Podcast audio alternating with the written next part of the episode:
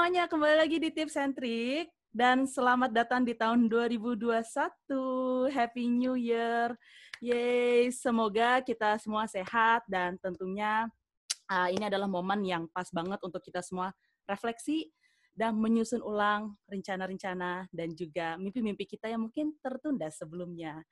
Nah, jadi di awal tahun 2021 ini aku ingin membawakan topik atau membuka 2021 dengan topik courage atau keberanian. Nah, tapi aku juga denger nih inputan dari teman-teman aku yang dengerin podcast kalau Ti jangan serius-serius amat topiknya gitu kan. Ini kayak baru mulai loh tahun 2021, kita maunya yang santai dan chill aja gitu, boleh nggak gitu kayak. Boleh, baik. Kayak I hear you. Jadi hari ini kita akan ngebahas tentang uh, courage atau keberanian, tapi dari angle yang berbeda dikit nih gitu. Jadi berbedanya adalah kita akan ngebahas tentang traveling gitu. Nah, di sini ada Sugi. Welcome Sugi to this apa podcast slash video. Halo Titi. Hey, uh, thank you so much udah datang dan berpartisipasi di dalam video perdana 2021 ini. tahun baru format baru ya. Betul, tahun baru format baru. Jadi um, Sugi ini adalah mungkin udah banyak yang tahu ya, apalagi kalau follow dari halte ke halte. Kayak Sugi adalah kontributor aktif di situ. Jadi uh, Sugi ini adalah seorang traveler uh, dan bukan your kind of traveler gitu, bukan yang kayak turis pergi ke Eropa atau ke Jepang untuk foto-foto uh, di monumen-monumen atau landscape yang kita semua tahu itu mainstream. Tapi Sugi ini dia sudah sering kali mengeksplor tempat-tempat yang mungkin kalau aku sih belum kepikiran untuk ke sana gitu dan aku yakin banyak banget teman-teman yang lain juga kayak kok mau ya ke sana ya gitu. Kayak contoh yang paling aku ingat adalah Sugi um, ke Pakistan, eh, perbatasan Pakistan dan India gitu kan yang notabene adalah uh, agak bahaya gitu. Jadi kayak tapi dia melakukan itu gitu dan aku yakin banget pasti banyak pelajaran dan uh, apa memori yang bisa banget Sugi uh, Sugi share nanti uh, di sini gitu. Jadi Sugi mungkin boleh kenalan biar teman-teman pada aware juga. Oke, okay, halo teman-teman tips and trick.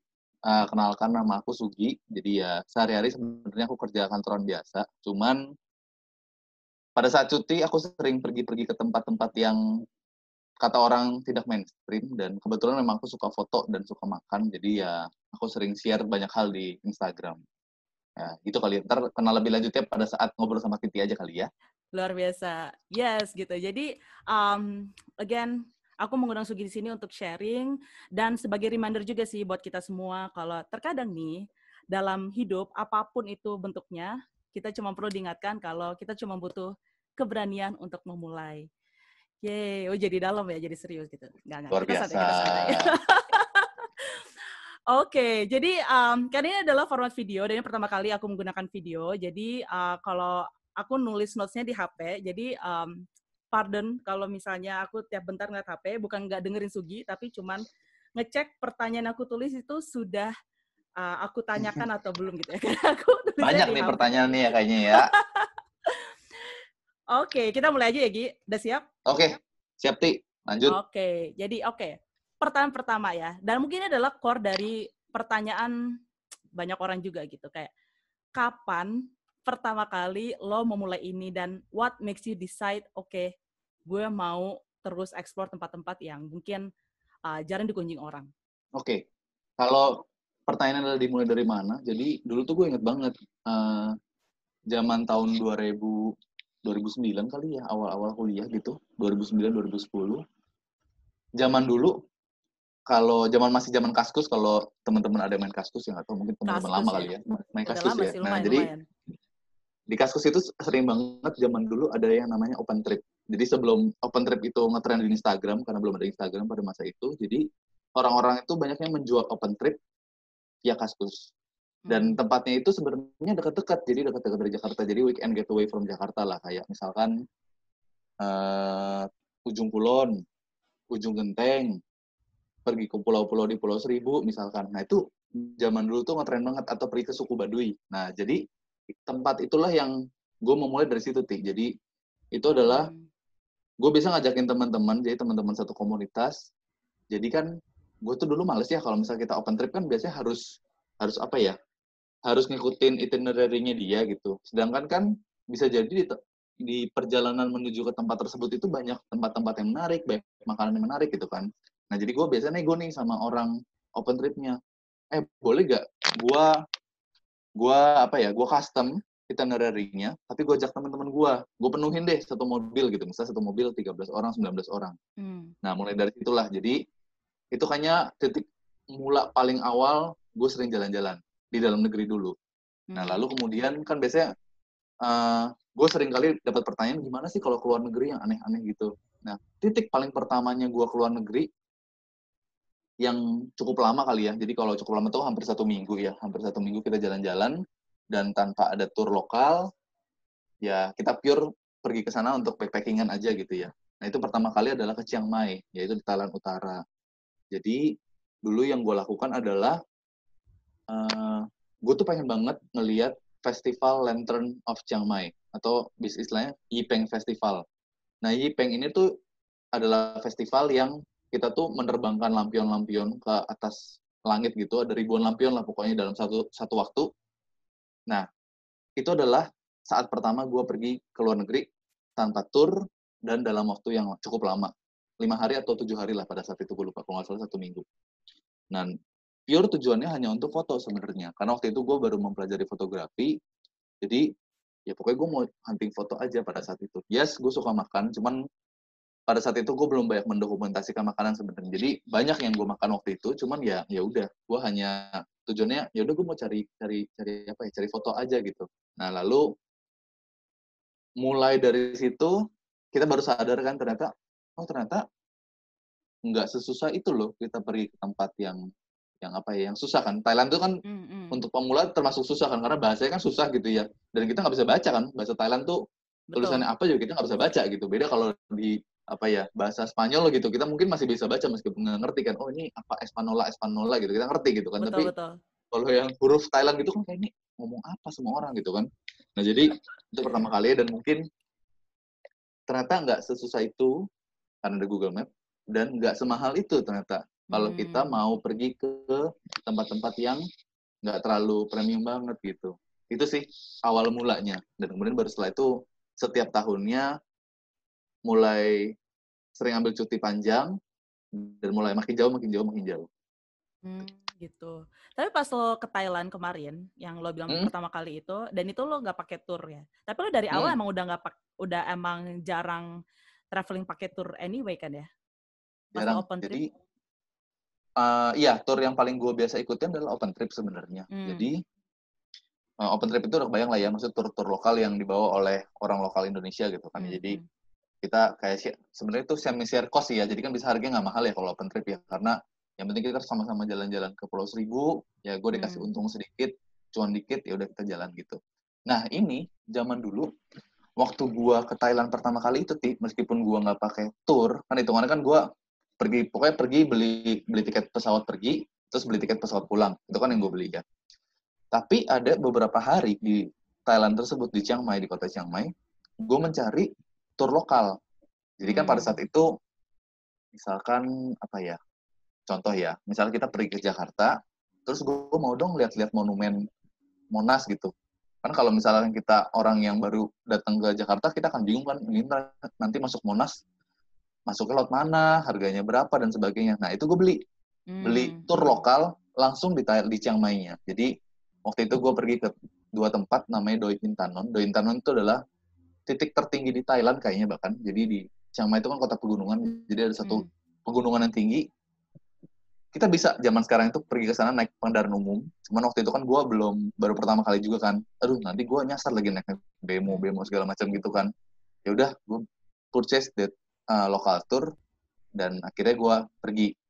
Nah jadi bertahap ya berarti kan dari open trip berarti kan fully customized. Mm -hmm.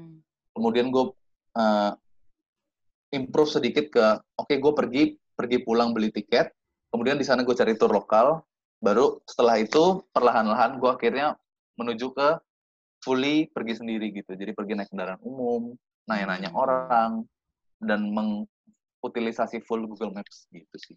Hmm, oke, okay. menarik sih. Karena hmm. um, yang gue awalnya kepikiran dan mungkin ada beberapa juga kepikiran itu adalah kayak kalau ngeliat Sugi traveling ke tempat-tempat yang jauh gitu dan yang apa namanya jarang tersentuh oleh manusia.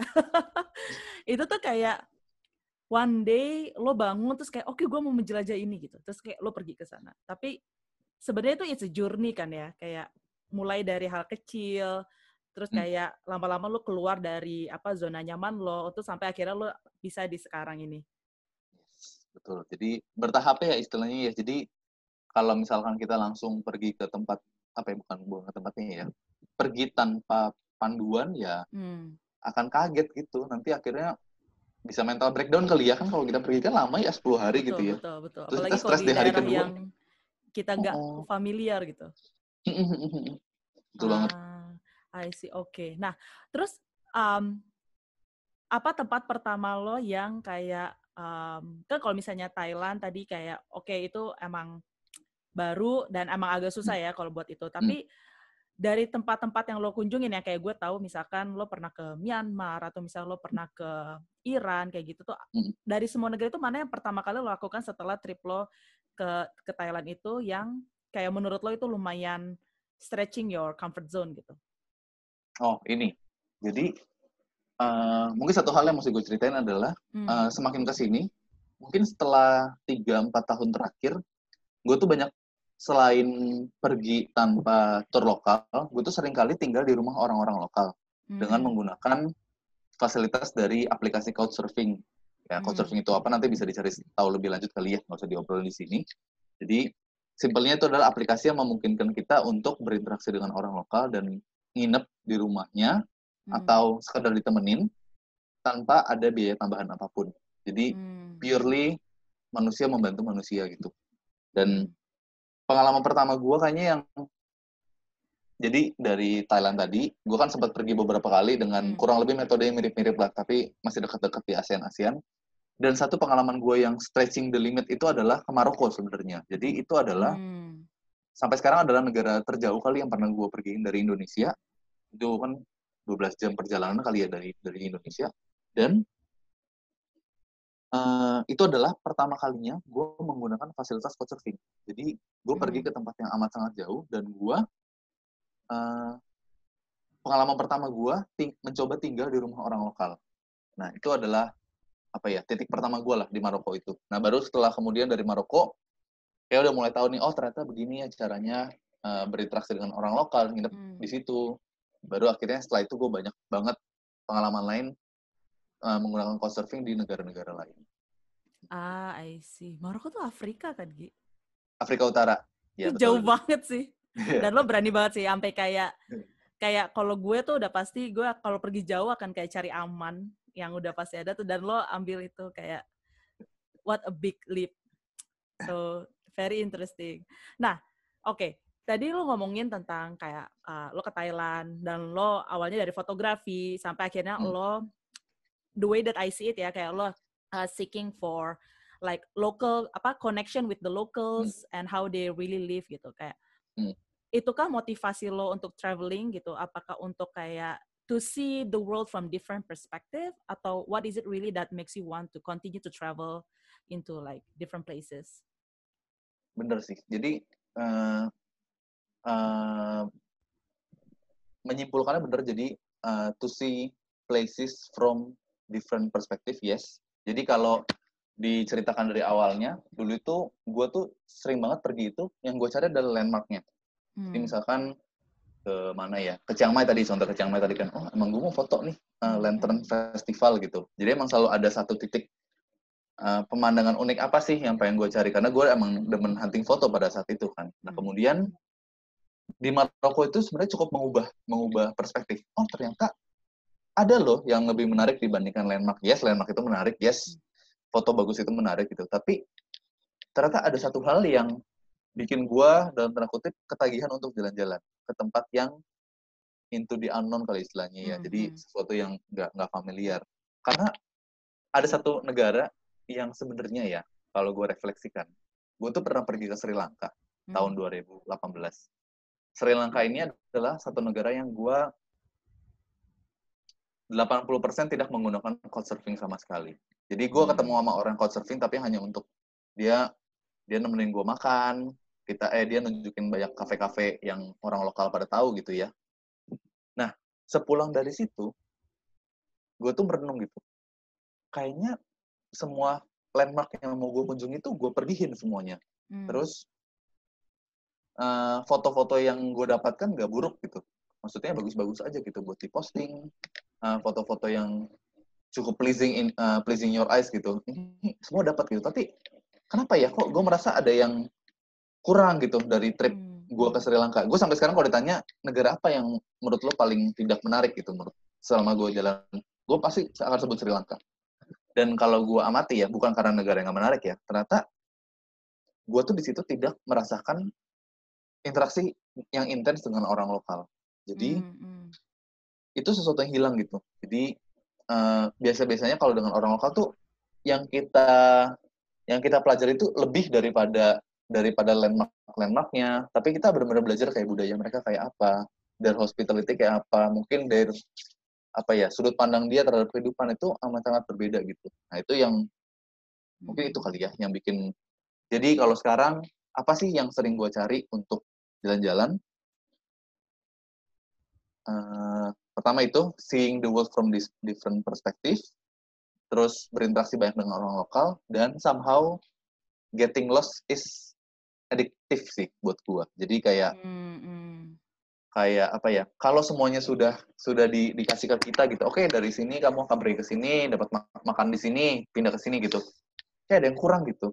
Kayaknya butuh apa ya? Itu mungkin adrenalin rush kali ya kalau misalnya kita kayak cuy kita kok nyasar ya. Cuy kok bus kita begini ya. Nah, itu Ya, ya, hal-hal ya. itu yang emang jadi menarik sih. Berarti apa ya? Kejutan-kejutan kali ya, itu yang bikin jadi adiktif gitu. Karena kalau semuanya well prepared tuh kayak ya udah kita sama kayak tinggal hidup kita sehari-hari kan. Tapi kalau Hmm. ada kejutan-kejutan gitu kayak itu ya udah nih liburan gitu. Baik buruknya ya ya selama masih dalam koridor aman ya udahlah. Ah, I see. Gue jadi ingat ini sih, gara-gara kemarin nonton startup ya. Gue gak tau lo nonton Hmm. startup atau enggak, yang drama Belum. Korea. Iya. gue juga gak pengikut, tapi kayak gue jadi nonton gara-gara itu. Jadi intinya itu adalah ada satu quotes yang mungkin kalau yang nonton tahu kayak Hmm. um, di mana adegannya adalah si ceweknya bilang sometimes it's good to sail off without a map gitu. Kayak Hmm. just get lost, um, jalan tapi nggak tahu tujuannya ke mana. Kayak Hmm. Sometimes it it helps gitu untuk bisa reflection atau misalnya mendiscover atau bahkan lo mendapatkan pelajaran-pelajaran baru yang lo nggak akan dapat kalau misalnya lo nggak tadi get lost gitu ya.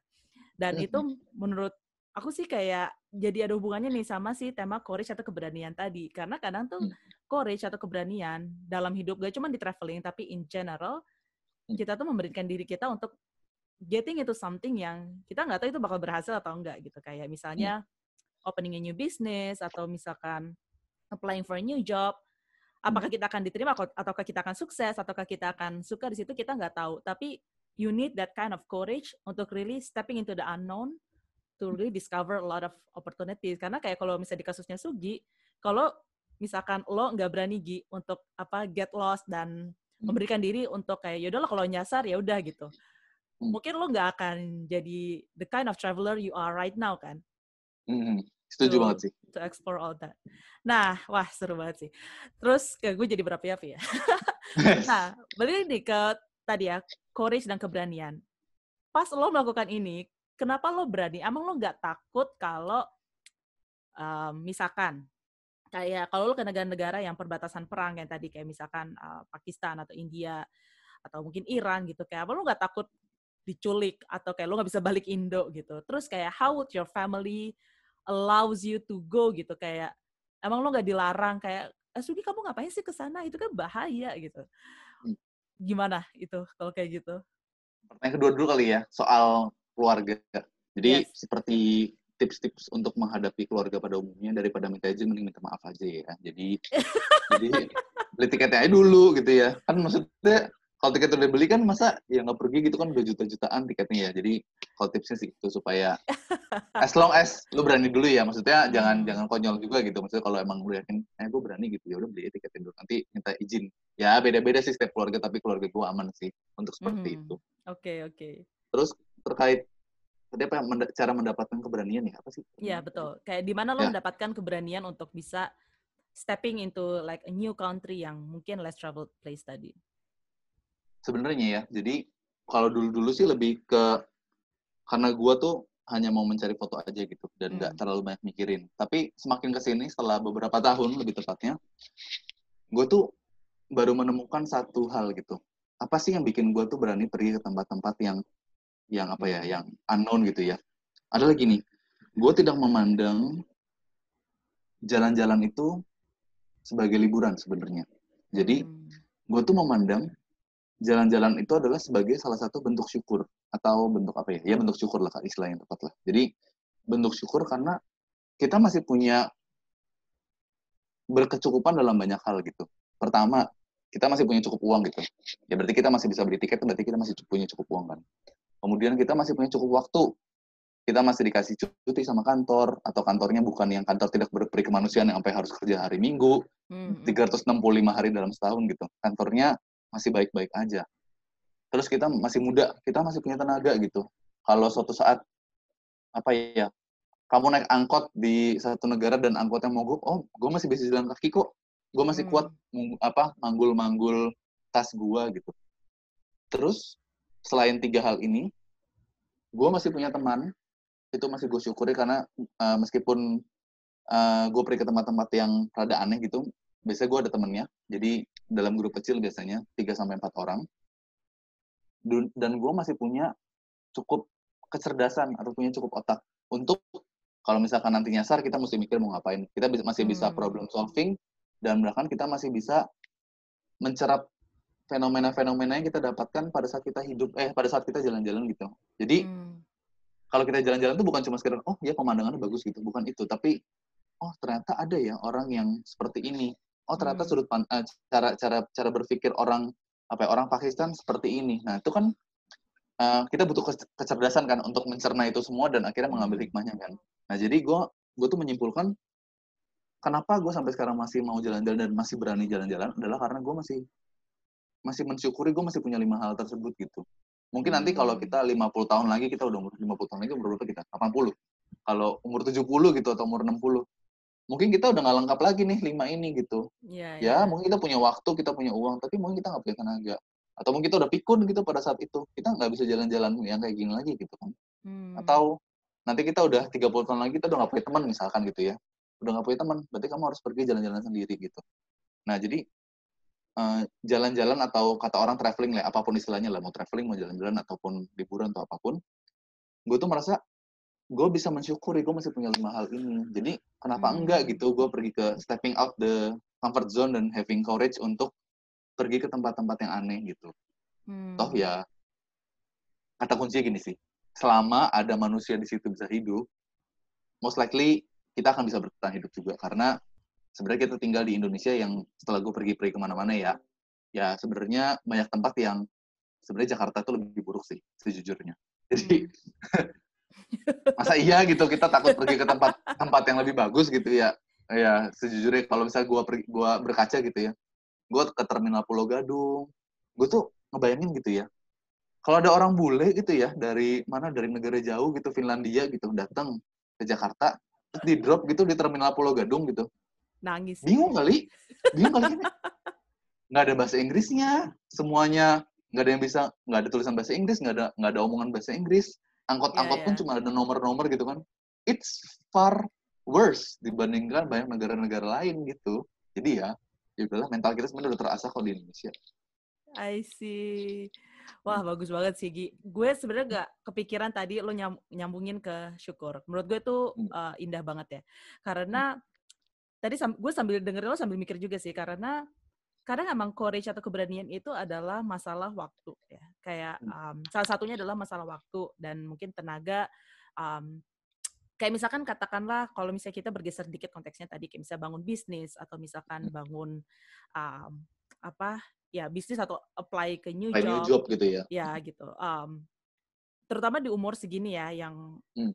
relatifnya millennials ya. Jadi kalau millennials Ya. itu ya mungkin di bawah 35 tahun gitu. Kayak we still have time, we still have Hmm. like apa tenaga gitu dan kita cuma butuh satu yaitu keberanian atau kemauan Hmm. gitu. Karena kalau kita enggak melakukan itu, waktu itu cepat banget kan berjalannya. Dan sampai lo udah di umur di mana lo ternyata um, sudah tidak mempunyai tadi gitu, misalnya either tenaga atau waktu gitu kan.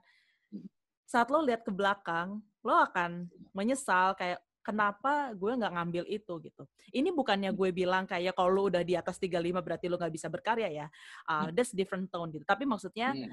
um, sebagai anak muda, sebagai anak yang orang yang kita sebenarnya tuh kita banyak banget yang bisa kita lakukan gitu. Hmm. Lebih ke kayak pemikiran mungkin bukan kayak kenapa gue harus melakukan itu, tapi kayak kenapa enggak, ya nggak sih? Kayak why Setuju. not? Itu kayak ini gak sih yang orang-orang bilang kalau kita udah tua nanti kita tuh akan lebih menyesali untuk sesuatu yang tidak kita lakukan dibanding apa yang Betul. telah kita lakukan, ya kan? Betul, Katanya betul, orang gitu betul. ya. Ya, kita belum tua betul. sih ya. Yang ntar mungkin. Keren banget sih. Iya, jadi kayak gue masih meresapi tadi kayak rasa syukur, rasa kita kayak ya itu tadi sih melawan kayak ya udah kalau misalnya kayak tadi Sugi bilang kan, kalau misalnya emang pada akhirnya gagal, kayak misalnya kalau di kasus traveling nyasar atau misalkan Hmm. kayak udah booking hotel terus ternyata scam gitu ya atau apa gitu. Kayak ini bukan berarti juga lo masuk ke sesuatu hal yang lo nggak tahu terus lo ya udah tangan kosong terus kayak kalau kalau kalah ya udah kalah gitu kan. Nah ini kayak lo juga harus berpikir secara apa secara keseluruhan gitu kayak impact-nya tuh bakal apa apa yang bisa lo lakukan kayak misalnya kalau lo apply new job ditolak so what gitu ya udah coba lagi gitu kan kayak Betul. refleksi apa yang salah gitu misalkan apakah CV-nya kurang bagus cara interviewnya menjawab interview questionnya kurang Hmm. bagus gitu something yang bisa kita improve dan balik lagi itu adalah growth mindset episode Yes. satu tips and trick sekalian promo Jangan lupa ya nonton episode 1. Siapa yang bawa? Yogi Mas Yogi, luar biasa. Keren. Oke, nah jadi sekarang tadi kita udah dengerin banyak cerita dari Sugi. Nah sekarang kita mau main yang agak fun dikit nih. Jadi kalau teman-teman pernah dengar um, interview dari Vogue di YouTube kayak ke artis-artis gitu ya. Jadi itu adalah namanya uh, rapid fire questions. Jadi Aduh. sini aku ada punya beberapa pertanyaan uh, ke Sugi ya sambil ngeliat HP. Jadi pertanyaan ini aku akan tanya cepat. Uh, jadi ada Berapa banyak, sih. Ti? Ada lima, ada lima. Oke, semoga nggak susah. Ya, ada lima pertanyaan yang di mana um, Sugi harus jawab cepat, uh, singkat dan terpercaya. Oke. Oke, siap Gi. Rapid fire question, dimulai. Solo traveling atau group traveling? Grup traveling. Bahasa yang lo pengen pelajarin? Mandarin. Gue kira Gua lo bisa bisa bahasa Mandarin. Gue nggak bisa Mandarin at all. Oh my god, ya yeah, that's interesting. Tempat yang langsung lo mau kunjungin lagi kalau COVID berakhir. Cina. Kejadian Nyambung ya? apa? Apa? Nyambung ya Cina sama Mandarin, tapi enggak kok. Maksudnya, Lumayan. Kejadian terkaget apa yang pernah lo alamin? Itu, pingsan abis minum ganja di India. Gue ingat cerita ini, sorry. Sebelum lanjut, lo boleh ceritain dulu nggak itu? Kejadian minum ganja. Oh iya, ya singkat katanya adalah eh gue waktu itu mencoba minum Bang Lasi. Jadi kalau teman-teman mau googling bisa lah Bang Lasi B H A N G L A S S I. Jadi itu adalah yogurt yang biasanya kalau lasi itu kan yogurt campur buah ya, campur mangga, campur buah-buah apalah gitu. Dan ini yang dicampur adalah jus ganja. Jadi eh, daun ganja diperes gitu sampai keluar sarinya warna hijau, dicampur bareng minum sama yogurt. Nah waktu itu Hmm. gue mencoba itu di kota Jaipur di India dan akhirnya ber- berakhir pingsan karena kalau katanya orang sih itu karena dehidrasi sebenarnya Hmm. pingsan dan akhirnya masuk UGD gue habis dua botol apa tiga botol infus gitu selama sekitar 6 sampai 8 jam lah di di di infus di rumah sakit gitu Gila sih. Tapi lo aman kan sekarang? aman Wah, oke. Em, dan terakhir, makanan teraneh apa yang pernah lu coba? tangan beruang di Hah? Myanmar Serius gak sih? Iya. Itu apa? It, is it a, like a common delicacy di sana? Enggak. Jadi, eh, kok udah kelar, udah kelar questionnya ya? Udah gue cerita aja Udah. ya. Jadi, waktu di Myanmar itu ada satu kota.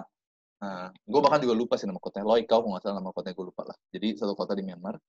Ada satu restoran yang sebenarnya restoran biasa aja. Mungkin kalau di kita tuh kayak restoran lembur kuring gitu lah. Jadi, lo kebayang gak sih ada restoran masuk ke dalam eh, pohon-pohon, terus ada saung-saung gitu untuk orang makan ya. Oke. Satu keluarga, satu keluarga ya. Lo kebayang suasananya seperti itu. Cuman, di restoran family itu sebenarnya, dia tuh terkenal atas satu reputasi. Jadi, dia tuh dikenal official non official saja jadi dibilang resmi ya nggak resmi tapi dibilang nggak resmi tapi ya pemerintah juga tahu dia itu menjual makanan masakan-masakan hewan buruan ilegal yang dimaksud Hmm. ilegal ini adalah jadi sebenarnya di Myanmar itu kita sudah tidak boleh berburu binatang di hutan gitu misalnya apa ya cari macan cari kerbau hutan gitu misalnya kita Hmm. tembak gitu terus kita bawa pulang untuk kita makan itu nggak boleh di Myanmar Hmm. tapi restoran ini tuh masih menyediakan hal tersebut karena dia itu lokasinya dekat dengan hutan. Jadi banyak Hmm. petani-petani yang cari duit gitu dengan nembak binatang terus dijual dagingnya untuk dimasak. Dan di situ dia banyak jual macam-macam dari mulai ada landak, ada jaguar. Jadi dia pernah ngasih lihat gue jaguar. Dan salah satu yang paling terkenal jarang, langka dan enak itu adalah beruang. Dan Hmm. waktu itu bagian beruang yang tersedia itu tinggal tangannya doang jadi cakar beruang gitu jadi bentuknya bentuk tangan dan masih ada cakarnya Oh gitu serem banget. jadi itu ya diambil dagingnya gitu dan Oh. surprisingly rasanya enak banget sih daging beruang itu karena nggak tahu ya nggak tahu kenapa sih mungkin dia nggak pernah Empuk gitu.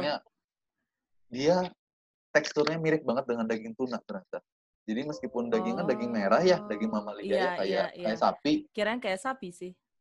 tapi ternyata dagingnya tuh bisa di lembar-lembar gitu kayak daging tuna gitu jadi Oh. so good Oke, oke.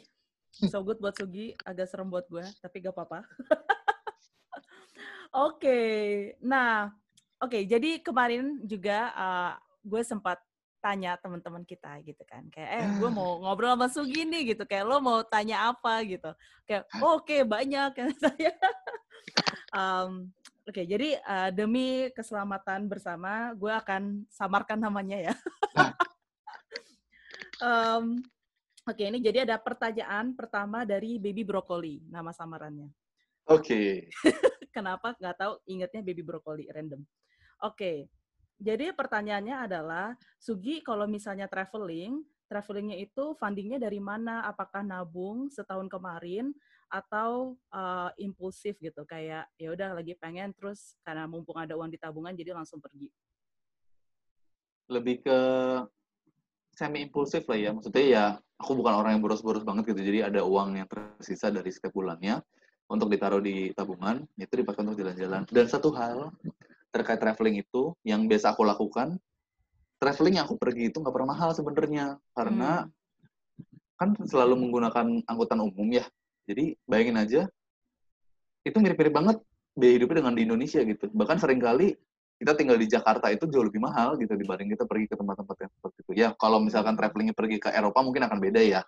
Fundingnya mungkin akan beda karena berkali-kali lipat gitu. Tapi Hmm. kalau ke negara-negara yang negara kita negara dunia berapa sih dunia kedua atau dunia ketiga ya negara-negara bukan negara maju lah ya Ya, masih ya. negara berkembang itu sama-sama aja kok biaya hidupnya jadi I don't think kamu butuh butuh butuh nabung sampai bertahun-tahun gitu yes mungkin butuh nabung sebulan dua bulan iya tapi harusnya lebih dari itu sih enggak karena sama aja kok kayak kita hidup di Hmm, Jakarta hmm. cuma pindah tempat aja gitu I see, I see. Oke. Nah, tadi ngomong-ngomong tentang negara, sebenarnya apa sih negara yang paling memorable buat lo? Iran sampai Oke. sekarang Kenapa tuh? Jadi kalau sampai sekarang gue ditanya, gue tuh selalu menyebut itu negara yang bikin gue mengubah sudut pandang gue banget gitu. Hmm. Jadi dulu gue pure pergi ke Iran tuh karena promo aja. Jadi ada tiket promo untuk pergi, pergi ke Iran dan kayaknya ih harganya nggak mahal nih. Ya udah gue pergi aja deh ke Iran gitu. Terus visanya segala macam tuh nggak susah gitu. Jadi it's manageable and feasible untuk pergi ke Iran. Ya udah gue pergi aja. Ternyata sampai sana yang gue dapatkan adalah pengalaman-pengalaman yang amat sangat mengubah sudut pandang gue akan hidup sih. Jadi untuk kita pergi masuk ke Iran, semua cewek itu harus berjilbab. Hmm. Jadi semua harus pakai jilbab. Cowok itu lebih bebas tapi kalau bisa pakai celana panjang. Enggak. Uh, mereka kayak nggak suka gitu lihat orang pakai celana pendek meskipun itu boleh ya. Jadi hmm. kalau orang pakai celana pendek sih baik-baik aja gitu. Salah satu yang bikin gue wow banget soal Iran adalah ternyata di negara yang setertutup itu ya dia kan di embargo ya jadi lumayan tertutup. Bahkan Iran itu tuh nggak punya jaringan internet bebas. Hmm. jadi kayak mereka tuh nggak punya gue lupa Google tuh punya nggak ya? Google kayak nggak punya deh. Jadi di blok gitu sama mereka. Google tuh nggak punya. Facebook dan segala macam tuh nggak ada. Nggak punya jaringan kartu kredit. Hmm. nggak hmm. punya booking.com nggak punya ya tiket.com apalagi ya nggak punya booking.com nggak punya Agoda dan segala macam. Jadi bayangin susahnya ke Iran tuh adalah kalau kita mau nginep di sana kita harus email hotelnya satu-satu nanya eh hmm. pak uh, tanggal segini lagi kosong nggak untuk pergi untuk dua orang? Harga harga kamarnya berapa? Jadi masih semanual itu di sana. Dan di negara yang di embargo di mana-mana ternyata mereka itu bisa hidup dengan makmur. Salah satunya adalah gue lupa angka pastinya ya tapi tingkat literasi di Iran literasi itu maksudnya uh, dia membahasakan literasi, literasi itu sebagai orang yang kuliah sampai S1 jadi tingkat S1-nya di Iran itu sampai 80% katanya ini gue lupa angkanya ya tapi hmm. it's tinggi banget lah angkanya. Jadi artinya 80% orang di Iran atau berapapun angka yang sebenarnya itu, lebih dari 50 gue cukup yakin, itu kecerdasan, uh, bukan kecerdasan, mereka disekolahin murah sampai level S1. Dan bahkan hmm. Untuk orang-orang di sana S2 dan S3 itu sesuatu yang lumrah banget di sana gitu. Lihat cewek-cewek, oh gue lagi ambil S3 nih, itu lumrah banget di Iran. Dan bayangkan kalau kita berkaca di Indonesia, itu tuh kayak ya kita kayaknya literasi kita ya rendah banget ya. Mungkin gue nggak tahu sih mungkin Indonesia 30% kali ya. Atau yang kalau bisa sampai level S1 tuh kayak kecil banget kali. Di Indonesia mungkin 20% kali se Indonesia yang pernah mengenyam sampai S1 gitu. Jadi jauh sangat berbeda. Kemudian ada satu hal yang mungkin ini cukup sensitif ya. Jadi tentang agama ya. Nah, kalau ini nggak nggak nggak cocok bisa dikat aja sih. Tapi uh, kita sama-sama tahu lah Iran itu adalah pusatnya Islam Syiah ya kan di Iran. Dan pada saat gue pergi itu gue sering banget ditanya sama orang-orang jangan ke Iran Iran ah gitu ya. Perlu di ini di itu gitu ya. Pokoknya banyak banyak banyak apa ya banyak hal yang cukup sensitif dan cukup cukup apa ya cukup bikin orang takut lah untuk pergi ke hmm. Iran karena masalah agamanya yang berbeda. Sampai suatu saat gue pergi di Iran ke satu kota yang katanya itu setara dengan Madinahnya Iran. Jadi hmm. di Iran tuh ada satu kota yang setara sama Mekah jadi kota yang suci lah maksudnya kota untuk orang-orang di mana semua orang tuh uh, ziarah ke sana. Dan ada satu uh, kota suci kedua. Nah waktu itu gue pergi ke kota suci kedua namanya kota yang Qom U O M. Gue pergi ke sana gue datang terus gue dicegat di depan pintu. Eh kamu dari mana? katanya. Uh, oh saya dari Indonesia gitu kan. Are you muslim? Gue ditanya begitu. Waktu itu uh, eh, gue dapet tips ya kata orang kalau lu ditanya dari Indonesia jawab aja lu Islam hmm. gitu kan. Meskipun I'm not a Muslim gue jawab gitu yes I'm Muslim kita kasih paspor kita kan nih gue dari Indonesia bawa paspor warna hijau gitu kan.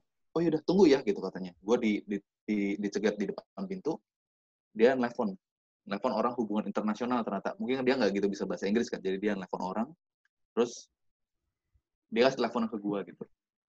Eh kamu dari mana? Dari Indonesia? Ngapain ke sini? Gitu. Oh gue mau mau lihat-lihat aja gitu. Gue lagi jalan-jalan dari Indonesia.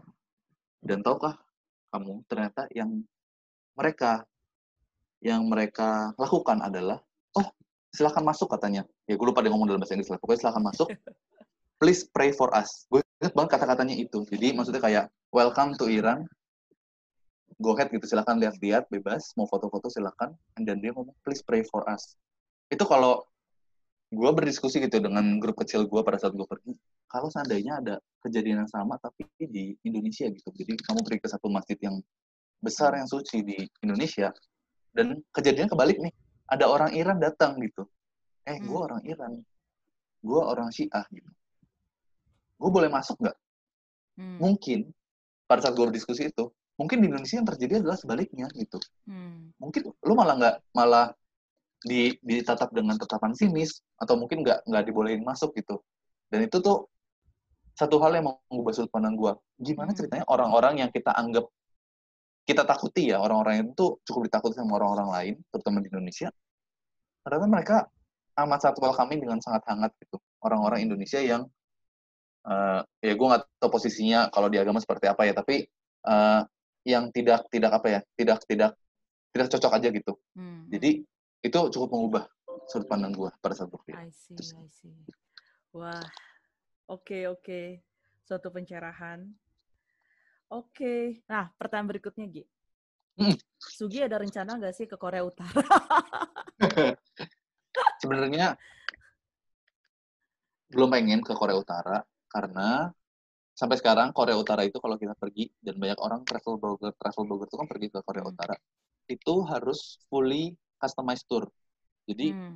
kita bisa nih menginjakan kaki di Korea Utara, tapi semuanya udah stage di situ. Jadi yang ya udah kamu bisa pergi ke mall ini, habis dari mall ini kamu pergi ke tempat makan ini, Hmm. habis tempat makan ini kamu pergi ke hotel ini, dan kita nggak boleh pergi jalan-jalan sendiri. Jadi Oh, for safety Apa reason ya? atau for No, no, no. Jadi- political reason? political both. reason. Jadi sih, jadi kayak si Korea Utara mungkin tidak mau terbuka itu sama turis gitu. Jadi kalau misalnya kita terbuka kan mungkin kita bisa Hmm. ngobrol sama warga dan akhirnya ada rahasia-rahasia yang mungkin kita tahu ya. Hmm. Jadi ya, ya mungkin for content it's good gitu ya ke Korea Utara, tapi for self fulfillment itu ya. hmm, no no no. Kurang ya? Karena itu sebenarnya ya kamu cuma pergi aja tinggal beli tiket doang kok. Itu gampang banget pergi ke Korea Utara. Kamu tinggal tinggal pergi ke Beijing dari Cina masuknya Korea Utara kalau nggak salah cuma bisa dimasuki lewat, lewat Beijing di Cina. Sudah tinggal beli aja kok, tinggal beli Hmm. tiketnya, beli turnya, udah kamu bisa tinggal lima hari di Korea Utara. Tapi ya just it gitu, kamu nggak nggak dapet apa pun yang baru, paling cuma foto-foto aja. I see, I see. Oke. Jadi jawabannya belum. Belum. Oke, ini terakhir kali ya. Eh, enggak sih, ada dua lagi. Um, Oke. jadi yang pertanyaan berikutnya dari Baby Potato. Dia bilang kayak, Sugi pernah nggak sih kepikiran buat traveling, um, being a travel blogger for a living? Sebenarnya belum pengen sih karena aku selama ini enjoy jalan-jalan itu untuk liburan ya. Jadi kita nggak mikir gitu berasa jalan-jalan.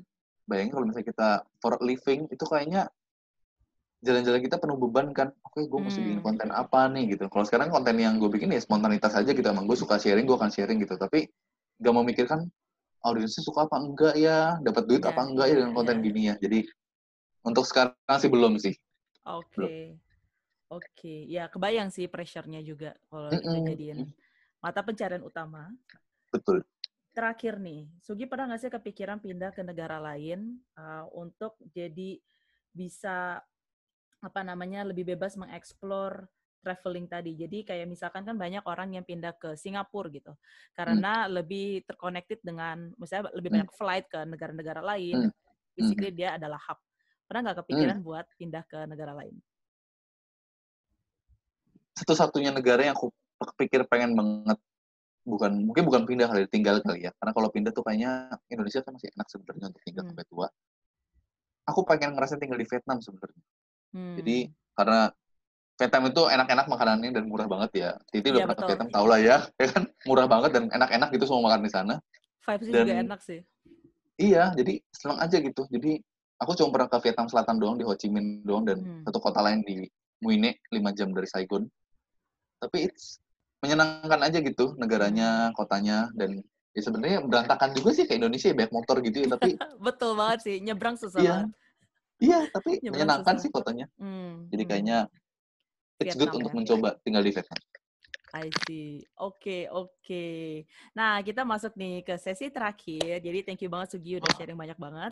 Uh, mungkin pertanyaan terakhir dari aku dan adalah um, apa namanya sekalian mungkin pesan dan pesan Sugi buat semua yang dengerin adalah um, based on all of your experiences kayak traveling and all that, how do you really define courage gitu atau keberanian dan what can you advise to all the people yang dengerin sekarang uh, untuk bisa lebih berani memulai um, dan mengejar apa sesuatu hal yang sebenarnya mereka pengen tapi mereka belum berani untuk bisa meraih atau menghadapi resiko tersebut. Sebenarnya ya yang bikin kita tidak berani adalah takut ya iya ya takut itu artinya nggak berani jadi benar itu definisi sih iya. yang bikin kita takut untuk mencoba hal-hal yang baru kan adalah kebanyakan karena kita nggak tahu yang di luar itu seperti apa. Contohnya kalau aku coba kaitkan dengan traveling ya, lebih mudah. Nanti mungkin Titi bisa mengkaitkan dengan hal yang lain. Hmm. Kita tuh, otak kita tuh dipenuhi dengan banyak asumsi-asumsi gitu. Oh, kayaknya kalau di negara ini lagi perang deh. Di negara ini tuh orangnya pemerkosa cewek deh. Kalau di negara ini kayaknya orangnya buas-buas deh pemakan pemakan manusia misalkan. Jadi otak kita tuh banyak dip, uh, dipenuhi oleh asumsi-asumsi semacam hmm, itu. Dari media juga dan, gitu ya. Dan media, betul. Hmm. Dan uh, apa ya? Sebenarnya ketidaktahuan itu yang bikin kita jadi takut untuk mencoba hal yang baru.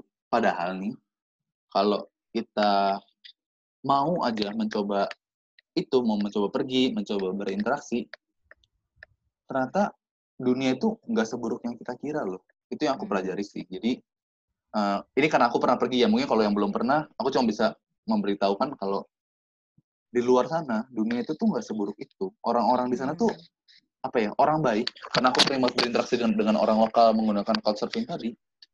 Banyak sekali orang baik di dunia yang sampai kita, aku tuh kayak mikir kalau ada orang bule datang ke Jakarta, mau nggak ya gue melakukan hal yang sama kayak dia? Hmm. Kasih tinggal di tidur di kasur gua, setelah pagi-pagi udah tidur, yuk kita jalan-jalan ke pasar, belanja makan bubur gitu. Mungkin nggak sih kita melakukan hal tersebut? Tapi ternyata banyak banget orang-orang di luar sana yang sangat baik hmm. sama orang yang sama sekali asing gitu. Kita kan orang Indonesia termasuk asing ya. Kita bukan negara yang dikenal banget gitu sama orang lain gitu. Kan kayak Indonesia tuh di mana sih gitu. Kayak orang banyak masih banyak nggak tahu. Iya, tahu Bali doang gitu kan.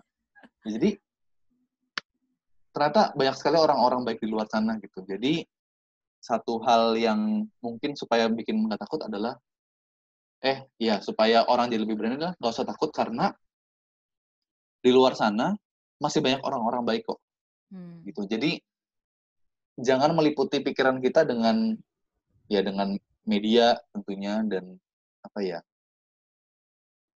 jangan berasumsi buruk lah maksudnya masih banyak orang-orang manusia-manusia baik di luar sana gitu jadi hmm. jangan perlu takut Super sekali. Udah cocok nih Gi jadi motivator. gila, gila, gila, gila, gila. Itu bener banget sih. Kalau mungkin aku bisa nambahin kayak dari sisi lain adalah kayak keberanian itu sesuatu yang harus dilatih. Jadi kalau tadi misalnya kayak ceritanya Sugi yang traveling mulai dari hal kecil, terus lama-lama berkembang, berkembang, berkembang menjadi uh, sesuatu yang nggak sadar tuh udah stretching your own comfort zone gitu. Jadi yang namanya keberanian, siapa pun yang orang yang kamu jadikan panutan gitu atau misalkan kalau kita ngelihat public figure kayak presiden atau artis atau siapa pun itu mereka nggak mungkin tiba-tiba besar kan um, dan kayaknya penting untuk kita memanage ekspektasi diri kita gitu kalau saat kita berani melakukan sesuatu it doesn't necessarily mean kalau kita akan langsung sukses besok gitu kan yeah, yeah. it all about taking the small steps gitu dan kalau kamu nggak ngambil small steps sekarang ya nggak akan ke mana-mana gitu. Kalau misalnya hmm. udah bermimpi untuk misalkan kayak tadi ya bangun bakery gitu, hmm. atau misalkan aduh pengen banget nih ganti apa pengen belajar hal baru di industri lain gitu, atau misalkan um, pengen S2 atau S3 gitu, tapi sudah diliputi dengan banyak satu negativity yang di di mana takut gagal, takut hmm. nggak diterima, nggak bisa ngedeal with rejection, atau yang kedua hmm. adalah nggak punya waktu gitu harus ngurus anak harus ini harus itu banyak sekali kayak yang soalnya kalau di itu kan countless ya Gi kayak mm. there's just so many reasons not to do something But excuse much, ya jadinya ya betul as much as so many reasons to do something gitu so why don't you start from small gitu dan tentunya balik lagi keberanian masing-masing orang itu berbeda-beda um, hmm. mungkin di episode ini juga bukan yang kayak oh harus traveling ke Iran ya besok ya kamu ya gitu. enggak, enggak juga gitu kayak everyone has their own apa namanya journey dan capacity. Hmm. Tapi it really is to reflect back apa sih yang sebenarnya kamu mau di tahun hmm. ini uh, dan tahun-tahun ke depannya gitu. Karena kalau kita ngomongin uncertainty ya kayak pandemi gitu. Pandemi is hmm. one thing, tapi nggak ada yang menjamin tahun 2021, 2022, 2023 nggak ada kejadian-kejadian lain yang mungkin bisa menghambat kita gitu. So uncertainty itu akan selalu ada. It's just a matter how how big the control that you want over your life yeah. gitu. Super sekali. Thank you banget Sugi sudah datang di episode Masih ini. Banyak pencerahan dan uh, menambah inspirasi. Semoga Sun kita bisa traveling lagi. Okay. Keliling dunia, nggak sabar. Oke, okay, nah sampai jumpa di episode berikutnya. Jangan lupa uh, singgah ke Instagram, singgah ya. Follow Instagramnya Tips and Trick at THIPSTRIK. Kita juga launch website, jadi langsung aja semua detail ada di Instagram.